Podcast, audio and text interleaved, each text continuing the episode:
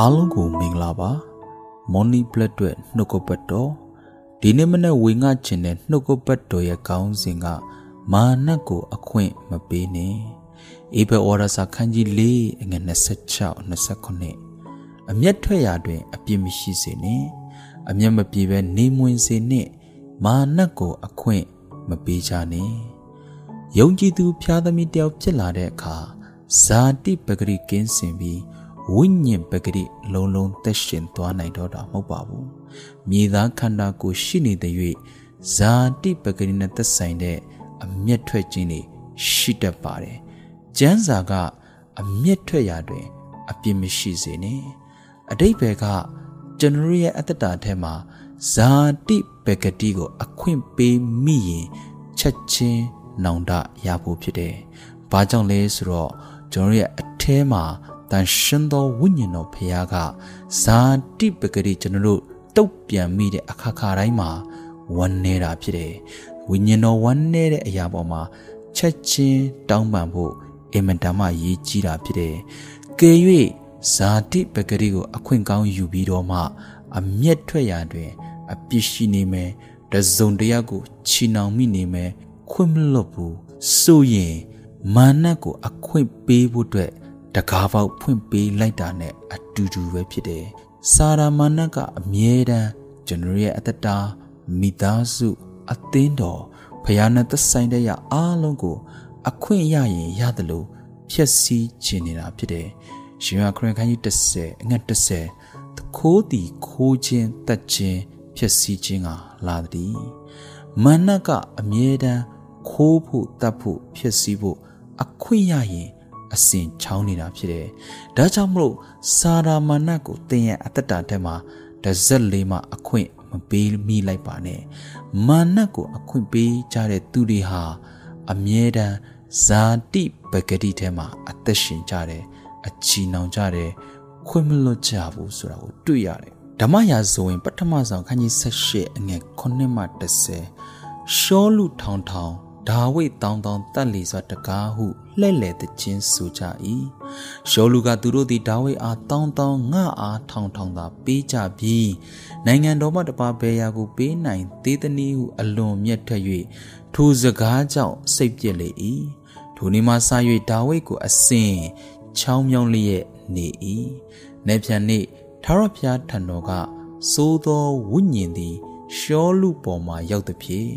ရှောလူသည်နန်းတော်အလယ်၌ပရောဖက်ပြုသောကြောင့်ဒါဝိဒ်သည်အရင်ကဲ့သို့စောင်းတီးရ၏ရှောလူရဲ့အသက်တာထဲမှာဘယင်ဖြစ်တော်ညာလဲဒါဝိဒ်ကိုလူလေချီးမြှောက်ခြင်းကြောင့်မနာလိုဝန်တိုဖြစ်တယ်ဆိုတော့တွေ့ရတယ်ရှောလူရဲ့တက်တာအဲ့လိုဖြစ်တဲ့အခါထာဝရဘုရားထံတော်ကစိုးသောဝိညာဉ်သည်ရှောလူပေါ်သို့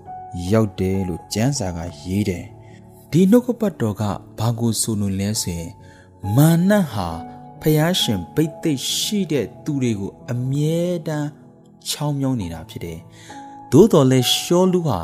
ဒါဝိတ်ကိုမုံတီချီနှောင်မြက်ထွက်ခြင်းကြောင့်ဖျားသခင်ကအဲ့ဒီချောင်းမြောင်းနေတဲ့မာနကိုအခွင့်ပေးလိုက်ခြင်းဖြစ်တယ်။တနည်းအားဖြင့်ပြောရင်ရှောလူအပေါ်မှာဖျားရှင်အကွဲကားကိုရုပ်သေးလိုက်ခြင်းဖြစ်တယ်။ ဆိုနှုတ်ကပတ်တော်ကြည့်တဲ့အခါရှောလူဟာနန်းတော်အလယ်မှာပရောဖက်ပြုတယ်တဲ့ပရောဖက်ပြုခြင်းနှစ်မျိုးရှိတယ်မှန်သောပရောဖက်ပြုခြင်းမှားသောပရောဖက်ပြုခြင်းဒီနေရာမှာပရောဖက်ပြုတယ်ဆိုတာဟာနတ်ဆိုးကိုအမိပြုပြီးတော့ပရောဖက်ပြုခြင်းဖြစ်တယ်ထွက်လာတဲ့စကားလေဟာဇာတိပဂတိနဲ့သက်ဆိုင်တဲ့စကားလေဖြစ်တယ်မကောင်းတဲ့စကားလေဖြစ်တယ် ဒါကြောင့်မလို့ချစ်တော်မိဘညီကိုမလို့မများတင်းရဲ့အတ္တတထဲမှာမာနကိုအခွင့်မပေးဖို့အတွက်ဇာတိပကနသက်ဆိုင်တဲ့အရာတွေကိုလုံမိခဲ့ရင်ချက်ချင်းဝန်ချတောင်းပန်ဖို့ဖြစ်တယ်ဇာတိပကနသက်ဆိုင်တဲ့ချီနှောင်ခြင်းတွေမုံတီးခြင်းတွေကဲ့ရဲ့ရှုတ်ချခြင်းတွေကိုကြာကြာအခွင့်မပေးမိဖို့အင်မတန်မှရေးကြည့်တာဖြစ်တယ်ဒါလေးအားလုံးကကျွန်တော်ရဲ့အတွေးထဲကို စာရာမာနရဲ့အယူပေါက်လေးဖြစ်တယ်။အဲဒီလိုယူပေါက်လေးကိုကျွန်တော်တို့က